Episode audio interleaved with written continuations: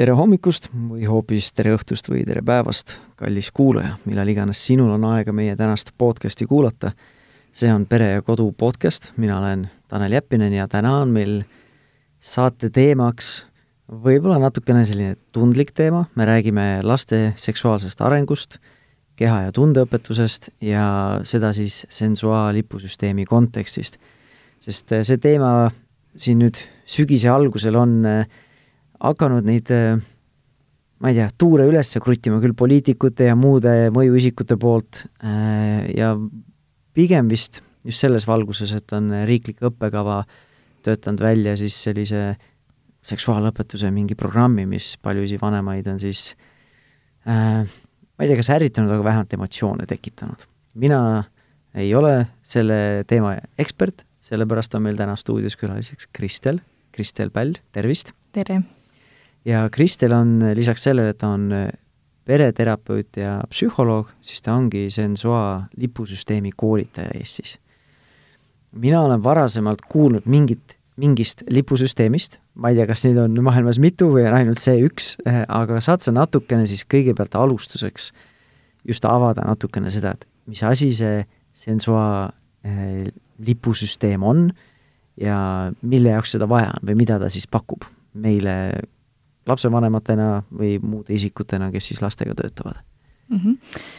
no sensuaalipusüsteem on äh, pärit Belgiast, ta on tõenduspõhine programm, Erika Franz, kes on selline juba kolmkümmend aastat tegelenud laste seksuaalkasvatuse, hariduse, ennetusteemadega, on selle programmi eestvedajaks ja programmi eesmärgiks on siis aidata tegeleda selliste keerulisemate seksuaalkäitumise juhtumitega siis ja aru saada, et kas see käitumine, mida me nüüd laste ja noorte puhul näeme, et kas see on norm või see on normist kõlva, kõrvale kalduv, et kas see on sobilik või see ei ole sobilik, kas me peaksime sekkuma või me ei peaks sekkuma. kui mina sinna koolitusele läksin, siis minu ma ei olnud sellest midagi ennem kuulnud, lihtsalt nägin, et see võimalus oli veebruarikuus, et ta on üsna uus meil Eestis aga maailma mõistes ta ei ole tegelikult nii uus programm. sotsiaalkindlustusamet on see, kes äh, seda siin Eestis koordineerib ja Tervise Arengu Instituut. Et äh, ja Justiitsministeerium on siis toetanud äh, seda koolitajate koolitust. et igal juhul on ta riiklik programm meil Eestis ja kui mina esimest korda sinna koolitusele läksin, siis ma kujutasin ette, et see on nüüd üks niisugune töövahend psühholoogidele, et mul ongi lipukesed, mida ma siis lastega töötades näitan neile, lehvitan, et äh, päris nii see ei ole, et pigem see lipusüsteem tähendab seda, et et kas me anname konkreetsele juhtumile nii-öelda rohelise lipu, et see on okei okay,, me ei pea sellega rohkem tegelema, on see kollane, mis vajab meie tähelepanu, on see must või punane, mis vajab kindlasti sekkumist ja võib-olla pöördumist siis juba järgmiste ähm, spetsialistide poole. nii, okei okay., mis vanuses äh, lastele see nagu suunatud on või lastevanematele? jaa, no selles mõttes, et äh, see võiks leida Eestis võimalikult laia kasutust nii lastevanemate hulgas, kasvatajate, kooliõpetajate, psühholoogid, sotsiaalpedagoogid, no kes iganes puutub lastega kokku. ja ta on praktiline töövahend igas vanuses lastega, kuni laste täisealiseks saamiseni. null kuni kaheksateist? null kuni kaheksateist. Mhm. Ja mis selle siis eesmärk on, eesmärk ei ole siis kellelegi hinnanguid panda, panna, pigem on toetada siis tervet seksuaalset arengut noorel inimesel ja, või lapsel? seda kindlasti. Ja lisaks veel, et ära tunda või märgata, eh, millal on lapse või noore seksuaalkäitumine mm, kas temale ohtlik, teistele ohtlik, ebasobilik, et eh, ka see üles leida ja seda osata märgata et siis see sensua lipusüsteem tegeleb rohkem siis lapse enda või siis laste omavahelise käitumisega? jaa, aga seal on ka juhtumeid, äh, nii-öelda selles käsiraamatus on äh, näidisjuhtumeid, kuhu on äh, kaasatud ka täiskasvanud, et kui näiteks üks juhtum, mis seal on, et mm, kümneaastane tüdruk istub täiskasvanud meesterahvast hooldaja süles ja meesterahva käsi on tütarlapse pluusi all, et mis siis selle olukorraga peale hakata. et seal on ka selliseid juhtumeid mm. -hmm no see olukord juba on selline, see oleneb kontekstis, kui mul oma tütar lihtsalt kõht valutab ja ma hoian tal kätt kõhu peal ja silitan seda, siis on võib-olla üks asi, on ju, aga seal võib olla ka väga palju teisi eh, tähendusi sellel, sellel olukorral. absoluutselt. aga et mis mu küsimus oligi just selle poole pealt, et kas see, ehm, see kuidagi annab nagu konteksti ka siis täiskasvanu ja lapse vahelisele suhtele ja see ongi potentsiaalsele seksuaalväärkohtlemisele. et siis lapsel, eh, kui mina näiteks vanemana õpetan oma lapsele, mis on okei okay,, mis ei ole okei okay käitumine teise täiskasvanu poole peal, poolt et siis lapsel on endal mingi kontekst või raamistik olemas, et äh, üks asi iseenda eest seista, ennast kaitsta või absoluutselt mi-, minimaalselt siis hiljem rääkida, et näed, selline käitumine oli mm. -hmm. või selline olukord oli. Et kas see, see mingil määral läheb sinna sensuaalsüsteemi või, või see on natuke eraldiseisev? no selles mõttes, et see käsiraamat või see programm on selles mõttes üsna praktiline, et et kes selle koolituse läbivad, saavad päris hea juhendi sellest, et kui me näeme mingisugust olukorda, et mille järgi me seda hindame, seal on kuus kategooriat, mis peavad olema täidetud, et kas see olukord on siis näiteks seal osaleb kaks last, et kas mõlemad lapsed osalevad seal vabatahtlikult? Kas need lapsed on võrdses positsioonis, on nad samaealised, on nad erinevaealised, äh, kuidas see mõjutab ümbruskaudseid inimesi, et kas see on kuidagi šokeeriv või ta ei ole, äh, mis seal veel siis oli, seal oli milline on äh, selle lapse taustsüsteem või nende osalejate taustsüsteem, et seal on need ka kriteeriumid, mille alusel siis saab seda olukorda hinnata, seal on ette antud ka küsimusi, Äh, mida lapsega siis rääkida ja tegelikult on seal olemas ka niisugune arengutabel, mis näitab, et ähm, milline käitumine millises eas on sobilik ja mis ei ole sobilik. kui need kõik teemad on sellised, ma tahaks nüüd sellest rääkida, siis sellest mm -hmm. ja mhm. siis sellest, alustame siis sellest äh, üleüldisest nii-öelda lapse nii-öelda ajateljest või arengu mm, -hmm. arengu poolest, selle nii-öelda ajateljest, vanuselisest. et mis siis on enam-vähem normaalne eakohane käitumine, kui me mõtleme just seda äh, seksuaalarengut ja, või seksuaalkasvatust, kehaõpetust, ja, ja mis siis ei ole eakohane, sest äh, siin-seal, kuna ma puutun lapsevanematega kokku, ikka aeg-ajalt tuleb äh, mingi väikelaste äh, vanemate muresid, et oi, mu poeg näpib oma sugutit või peenist äh, ja mul on nüüd mure äkki, ma ei tea, mis, mis tast saab, on ju ähm, mis siis on eakohased käitumised, oskad sa mingid sellised üldised, mingid piirid või raamid anda, et ma tean, et no nii detailselt kõike sellises formaadis võib-olla me ei saa nagu rääkida, palju lihtsam oleks visuaalselt see ette panna, aga mingi selline üleüldine raamistik või mingid ootused, saad sa -hmm. midagi jagada? no võib-olla enne, kui ma lähen niisuguse konkreetsema juurde, võiks nagu lahti mõtestada selle, et lapsed juba sünnivad seksuaalsetena. Neil äh, sugu määratakse ju ema äh, kõhus kasvades väga-väga varakult. kromosoomi tasemel. eks ole, et äh, ja, ja juba sündides neil on, neil on oma keha, neil on, ja nad hakkavad seda avastama üsna varajases eas juba. ning seksuaalharidus, ma ütleks, et see on laste inimõigus, et lastel on õigus saada haridust Äh, ja seksuaalharidus käib sinna alla. et äh, selles mõttes on hästi oluline sellel teemal lastega rääkida, arutada, aga kui me nüüd mõtleme seda, et äh, mis on normkäitumine, seda tabelit mul ette lugeda tundub väga mõttetu praegu aga kas seal kui... pannakse iga aastaga eristatakse last või mingid nagu arengulised eh, nagu etapid või sellised nagu? arengulised etapid ja, ja kes tahab lähemalt uurida, siis eh, täitsa guugeldades on võimalik leida eh, Maailma Terviseorganisatsiooni seksuaalkasvatuse juhend kus siis on arenguliselt välja toodud, et äh, alates nullist kuni kaheksateistkümnenda eluaastani, et mis on eakohane. Ning ka selline asi nagu terviseinfo.ee kodulehel on täiesti eestikeelne mm, siin üle laua sulle näitan, ma ei tea, kas sa oled niisugust asja näinud, on ähm, Tervise Arengu Instituut äh, loonud juhendmaterjali siis, kus on ka illustratiivselt äh, kirjutatud, et mis on ähm, ühele või teisele eale sobilik. et äh, kui mina seal koolitusel käisin, siis minu isiklik arusaamine sellest, millised on normarengu piirid, laienesid. ma olin oma peas mi-, midagi välja mõtelnud, ma ei olnud sellel teemal pikemalt peatunud, aga nüüd, kui olen ka ise lapsevanem, siis ähm, see teema muutub ju aina aktuaalsemaks mm. -hmm. ja mhm. see, et, et lapsed iseennast katsuvad, äh, noh, ma ütleks, et see on kõige esimene asi, mida nad hakkavad tegema juba seal aastaselt. No siin on vist oluline, ongi see, needsamad need kriteeriumid, millest sa enne rääkisid. kuuest vist mingi neli võib-olla mainisid ära, aga üks ongi see, et kuidas see mõjutab teisi inimesi mm. -hmm. et kui laps on näiteks omaette, lihtsalt mängib äh, või siis vaatab telekat või joonistab või lihtsalt igavusest läheb käsi püksi, natuke näpib ennast, no minu jaoks isana, noh, olen mis vanuses see laps ka on, aga ma isegi mõtlen, kas see oleneb, oleneb minu arust on see ok-, okei okay,, aga nüüd, kui me lähme kuskile avalikku ruumi, siis siis on nagu see keskkond ei sobi, ei ole sobilik või see käitumine ei sobi sinna keskkonda. et siis ma saan sinna selle piiri vahele panna mm. -hmm. ja see oli üks nendest kriteeriumitest ka, et mille sa välja tõid, et kuidas see mõjutab teisi inimesi ümber.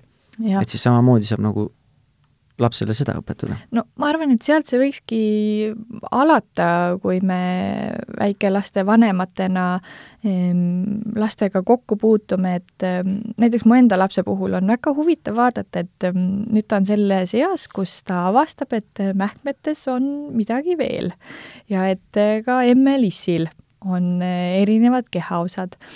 et ja kui ta siis iseennast katsub, et kuidas näiteks vanaemad reageerivad noh, kui nad just on parasjagu samas ruumis või, või, või kuidas isa reageerib, et see on väga-väga erinev ja ilmselt see tuleb ka sellest taustast.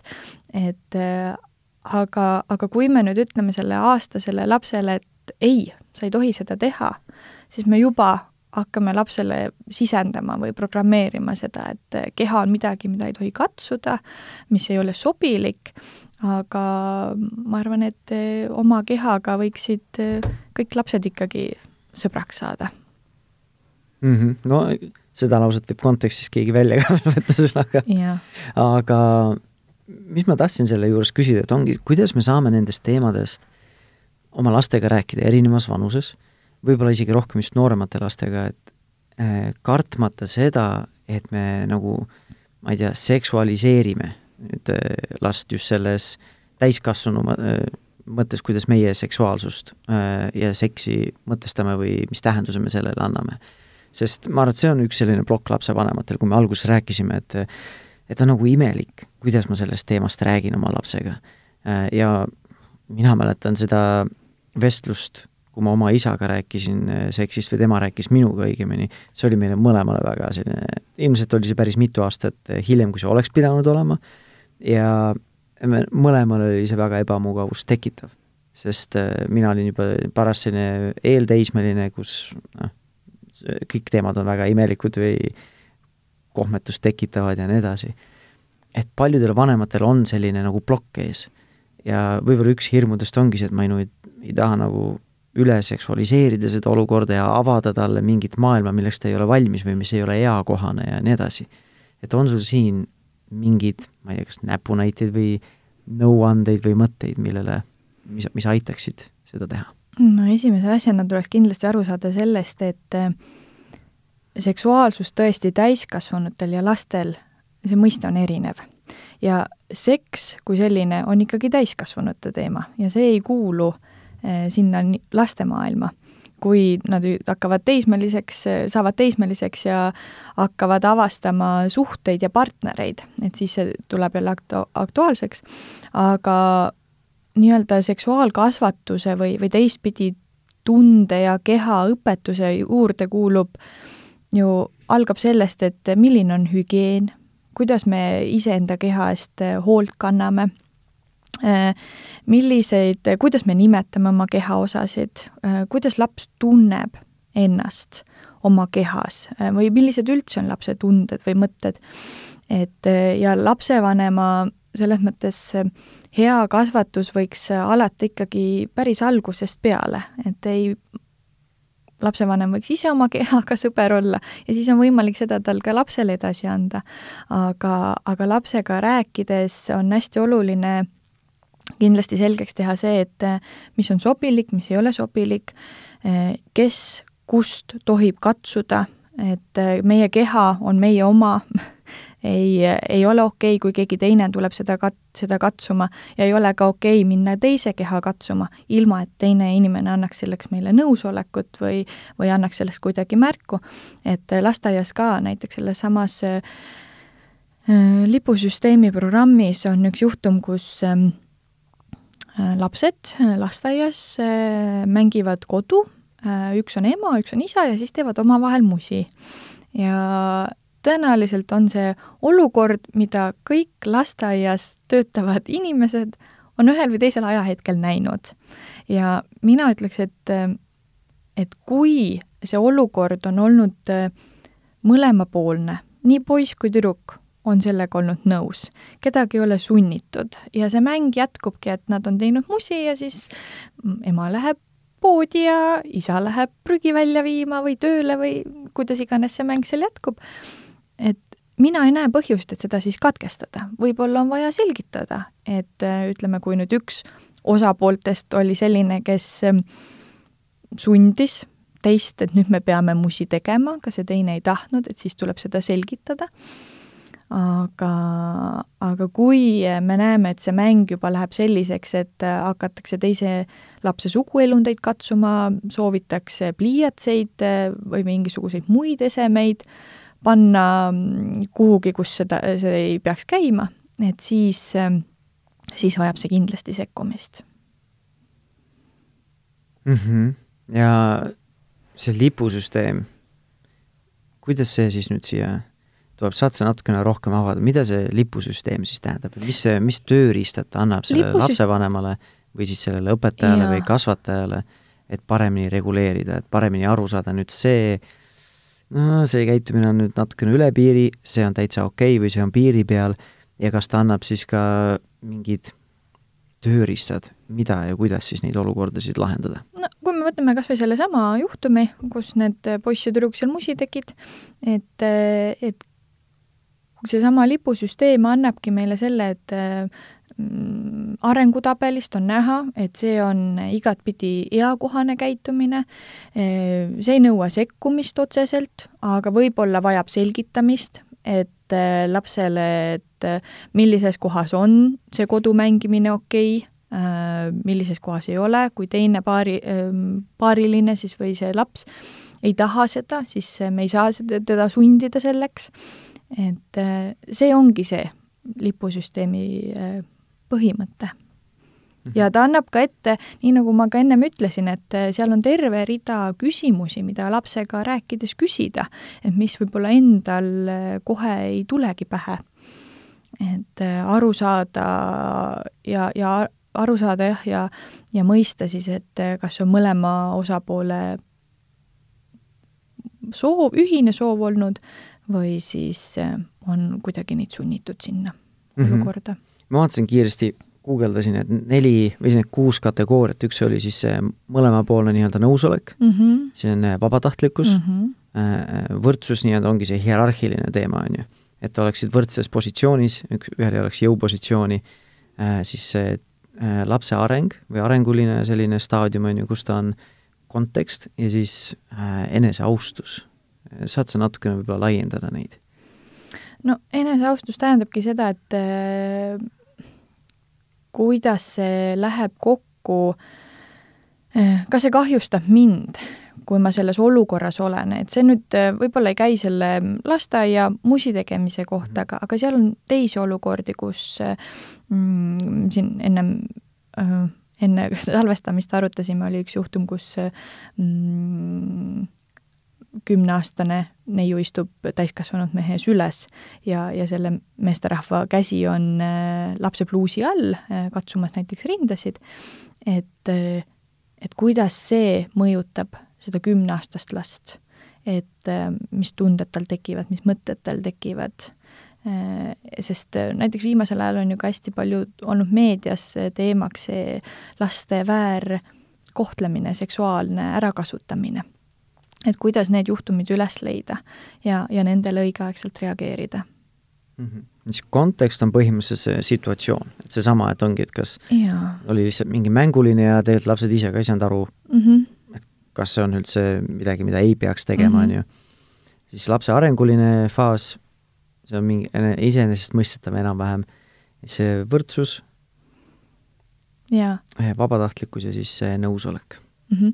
et seda tõesti mina nagu soovitaks, et kes võib-olla esimese hooga mm, lipusüsteemi koolitusele ei saa või ei jõua, siis võtta kas või tõesti Google'ist lahti Maailma Terviseorganisatsiooni seksuaalkasvatuse mm, juhend, kus siis on ära määratletud need teemad, mida teatud vanuses võiks käsitleda, mida, milline käitumine sel, ühes või teises vanuses on okei okay et, et me ei reageeriks üle. Ja tõesti, nii nagu sa ütlesid, et et sinu vestlus isaga oli võib-olla natukene liiga hilja ja oli väga konarlik, et seal on ka välja toodud, et millised teemad millises vanuses on sobilikud. et näiteks toon ühe näite, mul mm, tuttavad rääkisid, kuidas isa käis tütrega spaas, tütar oli nelja-viieaastane, täpselt ei mäleta, olid seal pesemas ja, ja tütar siis kõva häälega pesemisruumis ütles, et näe, issi, selle onu nuku on nii väike. et noh, ja kuidas sa siis reageerid selles olukorras, on ju, et jõle piinlik, aga, aga samas ei maksa ka nagu reageerimata jätta. et siis see on see teema, kus lapsega arutada erinevustest et inimesed on erinevad ja me ei pea keskenduma selle konkreetse meesterahva suguelundite suurusele, absoluutselt mitte. et eh, pigem ikkagi rääkida sellisest laiemast eh, kontekstist lapsega. et seesama erinevused, tunded, mõtted käivad ka selle seksuaalkasvatuse alla mm. -hmm. no nüüd, kui, noh, minul on hästi palju tuttavaid äh, väljaspoolt Eestit äh,, Ameerikas näiteks, ja paljudele ameeriklastele on äh, selline meie Põhjamaade ja Venemaa, Eesti, Soome ja teiste Põhjamaade selline saunakultuur on väga selline kummastav, et ja kuidas siis see, näiteks seesama sensuaal lipusüsteem siis äh, suhtub sellesse, kui pere käib koos saunas näiteks? et mis vanuseni see on siis okei okay või ei ole okei okay., kui kõik on sellega nõus, et me käime koos saunas, kõik läheksid sinna sauna vabatahtlikult, kui seal nagu midagi muud ei toimu kui peale saunas käimise, et ongi see kontekst või siis see eneseaustus või kuidas sina seda siis mõtestad? no siin võiks selles mõttes vaadata seda, et kui ikkagi, no nii nagu sa ütlesid tõesti, et Eestis see saunakultuur on ju aegade algusest saadik, meie vaarisad, vaaremad käisid saunas ennast pesemas ja ja kui see perekonniti on ikkagi niimoodi olnud, et üheskoos saunas käiakse ja tõesti see on okei okay,, siis ma ei näe põhjust, et miks seda ei peaks jätkama. Nüüd on aga see, et tuleb aru saada, et kui nüüd lapsed saavad teismeliseks, et kas nad tunnevad ennast tõesti mugavalt. et kui seal on nagu natukene ebamugavust, siis võib-olla teha ümberkorraldusi, et tüdrukud käivad siis emaga mm -hmm. ja poisid käivad isaga. et aga me ei saa sellest enne teada, kui me ei räägi lastega ilmselt see eneseteadlikkus toimub juba enne teismeiga, aga ja. et see ongi, et see oluline on hoida neid suhtlusliine avatult. absoluutselt. et noh, tavaliselt seal ütleme, üksteist, kaksteist hakkab tekkima niisugust häbitunnet, et siis peaksid vanemad aru saama, et kui mugavalt lapsed ennast tunnevad. et, et kui ikkagi mingi et kui keha hakkab noorukil väga kiiresti muutuma, ta ei tunne ennast mugavalt, et aga samas näiteks peresuhted on väga head ja, ja pere seltsis ta tunneb ennast mugavalt, et siis ei pruugi see üldse probleemiks tekkida. aga siin tuleb last tähele panna. keeruline teema, et ei ole mustvalge ei ole tõesti. ja saad sa natukene jagada ka need lipud, roheline, kollane, punane ja must mm. -hmm. Kas sellest on, nendest lipuvärvidest või nendest kategooriatest, kas on midagi sellist praktilist nüüd lapsevanemal ka kaasa võtta? Mida, mis aitab temal siis mõtestada, et mis on okei okay käitumine mis ei ole? no me anname selles mõttes selle värvi sellele situatsioonile lähtuvalt nendest kuuest kriteeriumist. siin tuleb teada lapse arengulist tausta, et selles mõttes lapsevanem võiks olla tutvunud äh, sellega, et mis ühes või teises äh, vanuses on sobilik käitumine ja, ja, ja need annavad äh, selles mõttes praktilised juhendid, et kuidas ise selles olukorras ka reageerida ja kas ma peaksin nüüd kohe Äh, võtma ühendust äh, psühholoogi, äh, lastekaitse, politseiga, noh, kes, kes iganes meil sealt veel tulevad, või selle olukorra lahendamine on näiteks minu pädevuses. Okei. Okay.. võib-olla natukene selle mm, jutu illustreerimiseks, et veel üks juhtum, mis seal oli, et kus viieaastane poiss käib ja katsub ema rindasid ilma küsimata, lihtsalt ühel hetkel tuleb ja hakkab ema rindasid katsuma. et emale on see ebamugav, siis sellele tuleb reageerida ja, ja siin tuleb selle lapsega rääkida, tuleb paika panna piirid, kui me võtame need kriteeriumid, siis ei ole seal Äh, võrdsust, nad on erinevas vanuses, ei ole seal vabatahtlikkust, sellepärast et emale see olukord ei sobi. see ei ole ka ealine, sellepärast et viieaastane laps enam ei peaks äh, käima niimoodi ema rindasid katsumas, et kui see on väiksema lapse puhul ja võib-olla on kauem imetatud, et, et siis, siis ta on veel sobilik võib-olla seal mingi kahe-kolmeaastaselt, et oleneb, mis see kontekst seal jälle on. et äh, siis tuleb küll aru saada, et äh, ja, ja võib-olla vajab ema ähm, siin nõustamist, et kuidas luua neid piire lapsega ja, ja selgitada talle, et, et see ei ole sobilik, et see ei sobi mulle. ja, ja palun lõpeta see tegevus mm. -hmm. no see on hea õppetund lapsele endale ka juba selle poolest, et kui laps näeb, et vanemad kehtestavad piire, et mm -hmm. enda heaolu või, tal endal oleks mõnus olla enda kehas, enda kodus, ükskõik mis keskkonnas, et siis laps nagu saab ka aru, et see on normaalne tegevus mm. -hmm. et kui mina, mina ei tunne ennast hästi või mugavalt, siis mul on mhm. igati õigus ennast kehtestada või mingit piiri kehtestada. see on väga oluline, et just nimelt ka ära hoida või, või ennetada seda, et et keegi teeks meie lapsele liiga või toimuks mingisugust seksuaalset ärakasutamist. et kui me juba varakult äh, anname lapsele teada, et äh, et see on sinu keha, sina ütled, mis on sobilik, mis ei ole sobilik ja kui me, kui me ei tutvusta lapsele, millised on need normkäitumised, siis mis me oleme täna näinud nende seksuaalväärkohtlemiste juhtumite juures, et esialgu ei pruugi, mida noorem on laps, seda mm, vähem võib laps äh, saada aru, mis temaga tegelikult toimub või mis temaga tegelikult tehakse. sest nendest teemadest ei ole räägitud, tal ei ole tutvustatud seda ja kui täiskasvanu, eriti kui on tegev, tegemist täiskasvanuga, kes on lapsele tuttav, keda laps usaldab, ja, ja kui see käitub pahatahtlikult ja, ja ütleb, et, et nii võib teha, et kus siis lapsel peaks tekkima teadmine, et tegelikult nii ei ole sobilik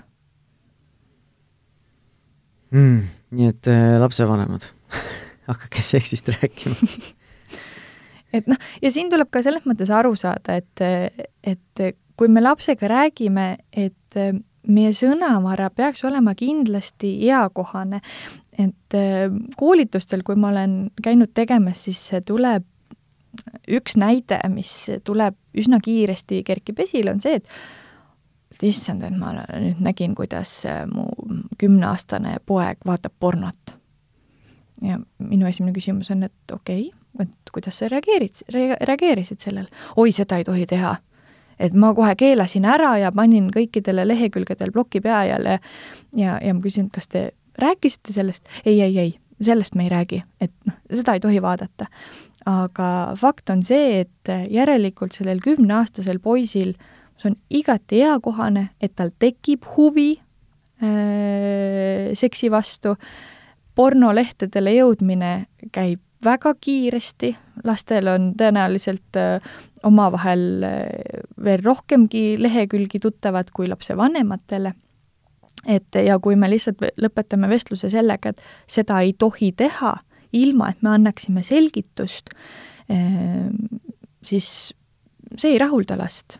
laps läheb ja võtab järgmise lehekülje või, või vaatab siis sõbra telefonis seda pornolehekülge. et siin on nagu oluline äh, näiteks sellesama, sellise juhtumi juures äh, selgitada siis lapsele, et, et, et see on näitlemine, et see ei ole päris ja, ja küsida lapse enda tunnete ja mõtete kohta, et, et mis talle siis huvi pakub või ja, ja anda siis sellest vastuseid, et äh, lapsele mm, ei saa või, või ei peaks andma äh, rohkem infot, kui ta, kui ta küsib eh, esimese hooga.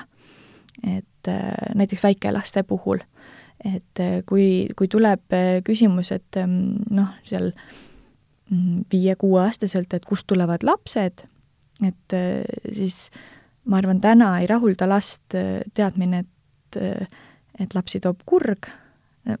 meil oli just üks juhtum, kus Äh, üks naisterahvas rääkis seda ja, ja seal peres oli see müüt, et äh, lapsi toovad kured ja siis, kui väike vend toodi koju haiglast viiskümmend aastat tagasi, siis see naisterahvas käis ja vaatas õues, et kus need märtsikuus need kured on. Et, et kus need siis on, et vend nüüd tuli ja kured mm. peaks ka olema.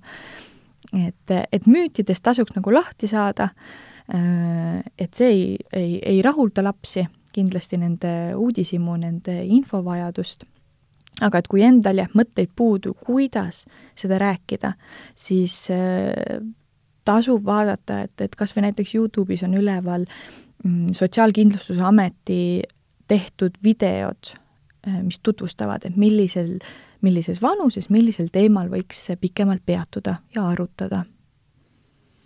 kiiresti tagasi tulles selle porno vaatamise kohta, et et ongi, kui lapsevanem lihtsalt keelab ära ja ei räägi nendest teemadest, siis üks asi, mis sellega kaasneb, on ka siis see, et ma panen selle ukse kinni. et ma põhimõtteliselt nagu, ma ei, laps saab aru, et nendest ei räägigi minuga. et ta mm -hmm. ei mhm. tule ise ka oma muredega minu juurde.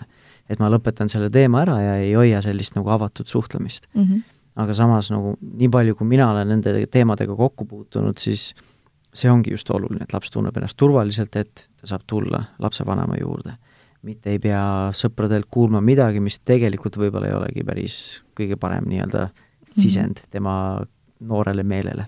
no nii, nagu ma ütlesin, et lastel see huvi tekib ja kui meie nende huvi ei, kuidagi ei rahulda, ei anna neile infot, siis nad lähevad, otsivad seda infot äh, enda kanalitest ja siis enam meie lastevanemate või spetsialistidena ei saa seda infot kontrollida et äh, siin nagu ongi, et äh, ma olen koolitusel käinud, siis äh, lapsevanemad ütlevad, et ma nii tahaks, et minu teismeline tuleks ja räägiks minuga, et noh, oleks minuga aus, aga sellised juhtumid näiteks, kui, kui lapsevanem leiab oma poja või tütre kirjutuslaua sahtlist kondoomi ja, ja peale seda mitte kuidagi ei reageeri või vastupidi, hakkab lapsega riidlema, kuidas siis laps saaks tullagi temaga vestlema nendel teemadel mm? -hmm. no siin on juba, tulebki paljudel küsimused, mis, mis vanuses, millest ma siis peaksin rääkima, et oskad sa mingeidki juhiseid anda või siis me rääkisime, et päris väikelapsel ongi see, et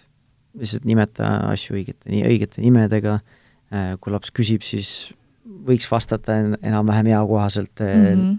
nendele küsimustele, mis tal on, aga mitte midagi liiga graafiliselt siis on ju mhm. kirjeldada mm. -hmm Äh, ja nii edasi, aga need on rohkem sellised, ongi väikelaste teemad, et mingi kuni kolme-nelja-viie aastani mm. -hmm. et mis siis need äh, normaalsed sellised teemad või heakohased teemad on, äh, mida võiks siis võib-olla isegi ka lapsevanem ise esile tuua või ise teemad püstitada või ise lapse käest küsida, mis on sellised eakohased mm. -hmm.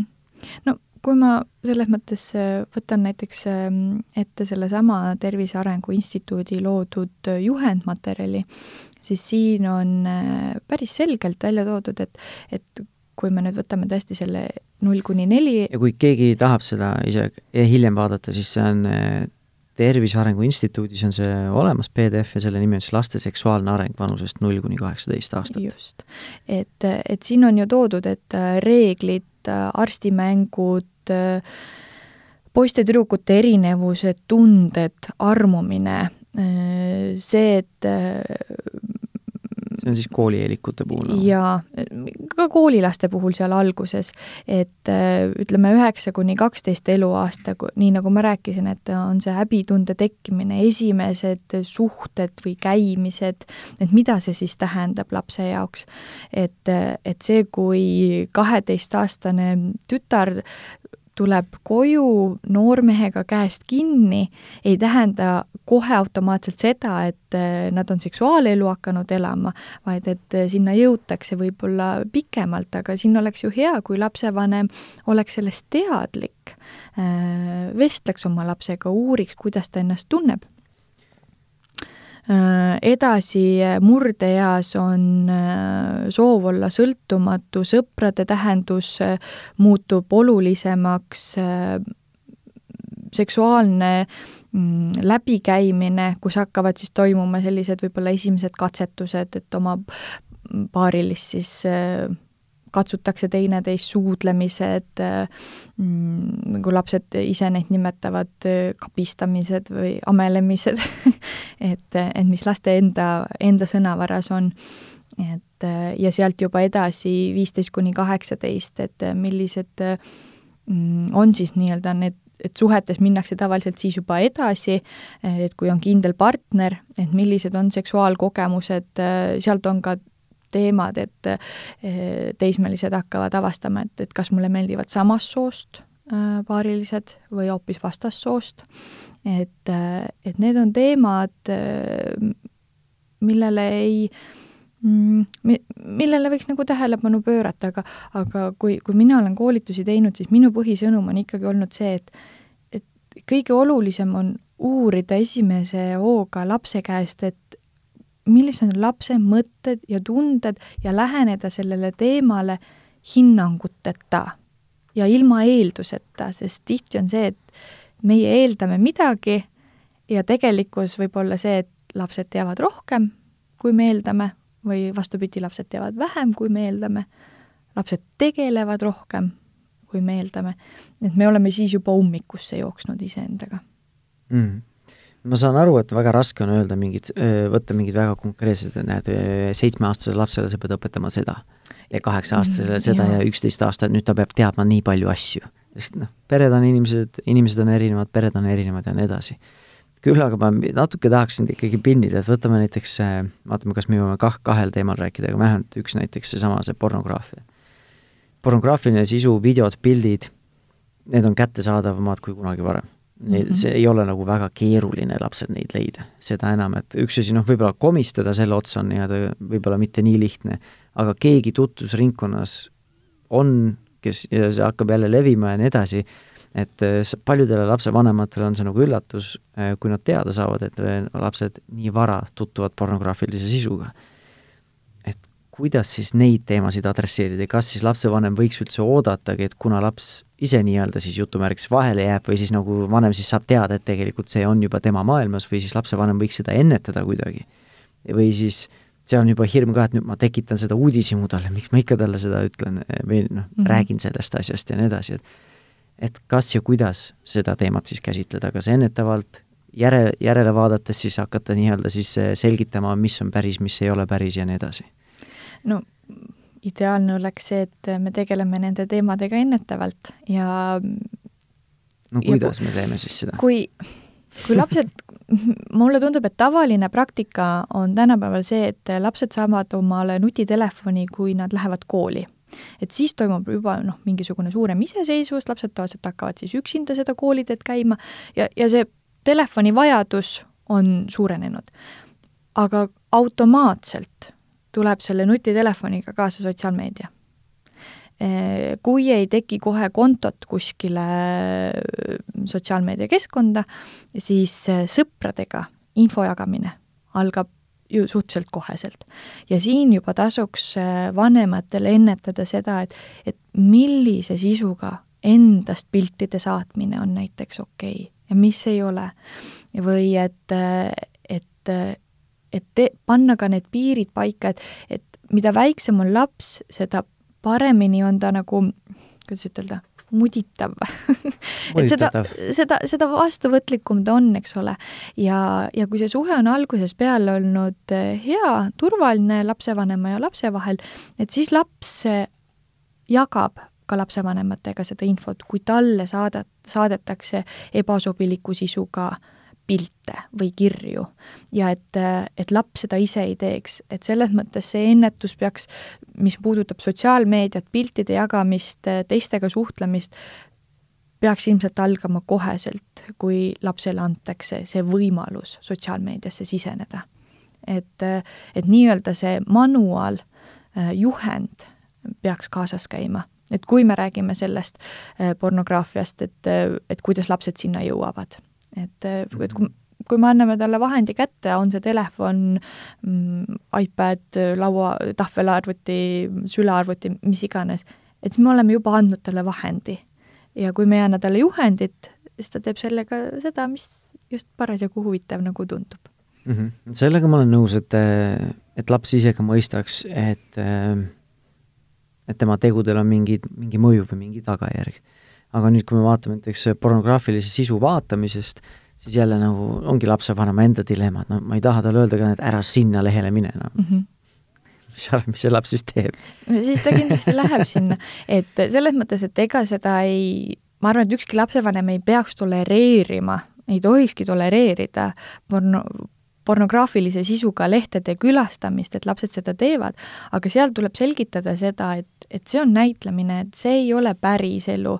Ja, ja sealt edasi uurida juba seda, et mis see lapse huvi siis on ja kas on võimalik lapse huvi rahuldada mingisuguse muu infoga, et on ju olemas erinevaid, raamatupoodides müüakse erinevaid raamatuid, kus on illustratiivsete piltidega ära kirjeldatud, ähm, mis meie kehadega näiteks toimub. tõenäoliselt see huvitab neid. Mm, ja, ja, ja sest ma mäletan näiteks ise, kui ma olin teismeline, et, et siis meie ema, äh, mul oli õde ka, et meie ema tõi meile äh, niisugune must äh, raamat oli väikse formaadiga, äh, tüdrukud, vist oli tüdrukute käsiraamat. Ja noh, see on, selles mõttes see oli meil kapsaks loetud, et seal rääkis sellest, et äh, millised on tüdrukute kehad, millised on poiste kehad, kuidas ennast vaadata, kuidas iseenda eest hoolitseda, et ähm, ja, ja vanematele võib-olla tekib üllatuseks see, et, ähm, et näiteks noormehi väga huvitab, mis asi on menstruatsioon ja kuidas la-, tüdrukute kehad arenevad. ja tüdrukuid huvitab, et kuidas poiste kehad arenevad või mis asi on erektsioon või mis asi on seemnepurse. et, et siis oleks oluline seda infot lastele anda, et nad ei läheks seda esimese hooga pornolehtedelt saama mm. -hmm. kui me ühes varasemas podcastis rääkisime Palbo Vernikuga, kes käib siis äh, viienda ja kuuenda klassi õpilastega metsas ka klassisidususprogrammi tegemas siis ta ütles ka, et äh, selles vanuses noored sagedasti ei olegi võib-olla see nagu seksuaalne sisu, mis neid tõmbab, aga ongi lihtsalt uudishimu ja sagedasti, mis sealt nagu puudu jääb, kui nad peaksid pornot jälgima, et ongi, et nagu nad ei saa aru nagu mida, mis on selle seksi osa üldse suhtes mm. -hmm. sest sellest ei räägita, et ongi, vanemad ei räägi ka, et see ongi see asi, mida ma ei tea, teevad paarid või mis iganes. ja noh, tegelikult ju enne seksi, kui, kui noored selle avastavad, võikski olla kõik need eelnevad etapid, mis on ka tolereeritavad, käes kinni käimised, ma ei tea, armastuse avaldamine, musi tegemine, et see võiks olla kõik ju okei okay ja seda me peaksime lapsele või oma noorele siis eh, andma selle sõnumi et need etapid ja ka see, et et eneseaustus oma keha suhtes, et, et, et kui jõutakse seksuaalvahekorrani, et see ei toimuks nii, nagu lapsel on, ma ei tea, jäänud pilt, et kuidas pornofilmis seda kõike tehti, vaid et, et see tegelikkus on ju midagi muud. et seda mm, -hmm. seda, seda tuleks tutvustada ja ja, ja no see programm näiteks, kui noh, õppekavas, mida, mida koolides näiteks täna ju antakse, on riiklikus õppekavas on perekonna ja seksuaalharidus üks osa inimeseõpetuse ja ühiskonnaõpetuse tundidest, aga see, kuidas see sisu lahendatakse, on iga kooli enda teha. ja noh, näiteks üks väga hea näide Kadrina koolist, kus käiakse, mis oli üheksandas klassis Rakvere sünnitusmajas. ja eriti pidi huvi pakkuma see noormeestele, mis seal toimub ja mis seal siis on. et niisugused eh, asjad, ma arvan, on väga-väga tervitatavad ja või, või, või lapsevanemale endale, et kui endal jääb mõtteid puudu, miks mitte konsulteerida, näiteks eh, emad eh, võivad ju konsulteerida oma günekoloogiga, et oma tütar näiteks ühel hetkel millal võiks tütre kaasa võtta, millal võiks talle tutvustada arstil käimist või äh, isad võtavad pojad kaasa meestearsti juurde, et äh, ilma, et seal oleks vaja võib-olla kohe midagi kontrollida, aga aga et seda pinnast äh, ette valmistada, et laps teaks, kuhu siis vajadusel suunata, et et mul on koolitustel olnud ka see küsimus või dilemma, et et et kes õpetab enesehügieeni et äh, üks naisterahvas ütles, et, et meil on olnud alati niimoodi, et äh, emad äh, tegelevad tütardega, isad poistega. aga perekonnas, kus ei ole isa või ema selle teemaga tegelemas, et, et mida siis teha?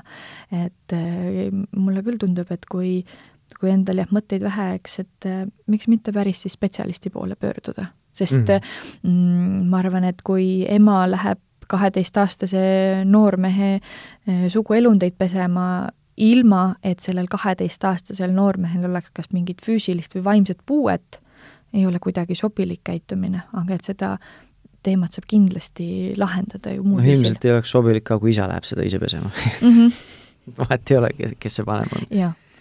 okei okay., ühesõnaga teema on komplitseeritud paljudele täiskasvanutele ja, ja juba võib-olla sellepärast ka, et äh, see keskkond, kus meie lapsed kasvavad, on oluliselt teistsugune kui see keskkond, kus meie kasvasime.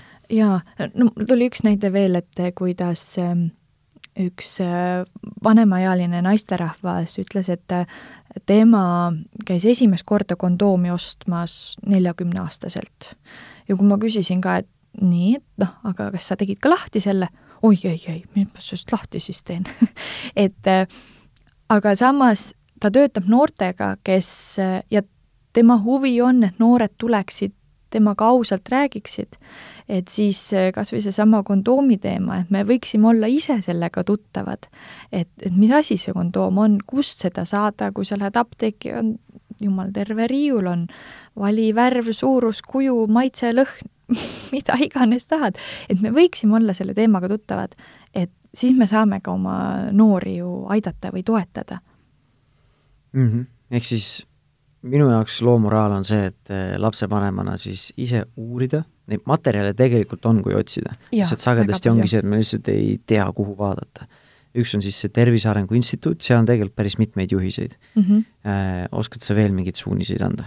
Ehm, jaa, siis nagu ma suunasin ennem ka Youtube'is, eh, otsides Sotsiaalkindlustusameti Äh, kanalit siis. see ongi nagu, milline lapsevanem läheb Sotsiaalkindlustusameti kanalit otsima, et äh, saada infot, kuidas ma oma lapsega räägin, nagu keegi ei tulegi selle peale. aga võib-olla nüüd siit kuulates tekib see teadmine, et, et kuhu pöörduda ja kus vaadata ja, ja või kas või minna raamatupoodi ja natukene seal ringi jalutada, et, et millist kirjandust on siis noortele tehtud.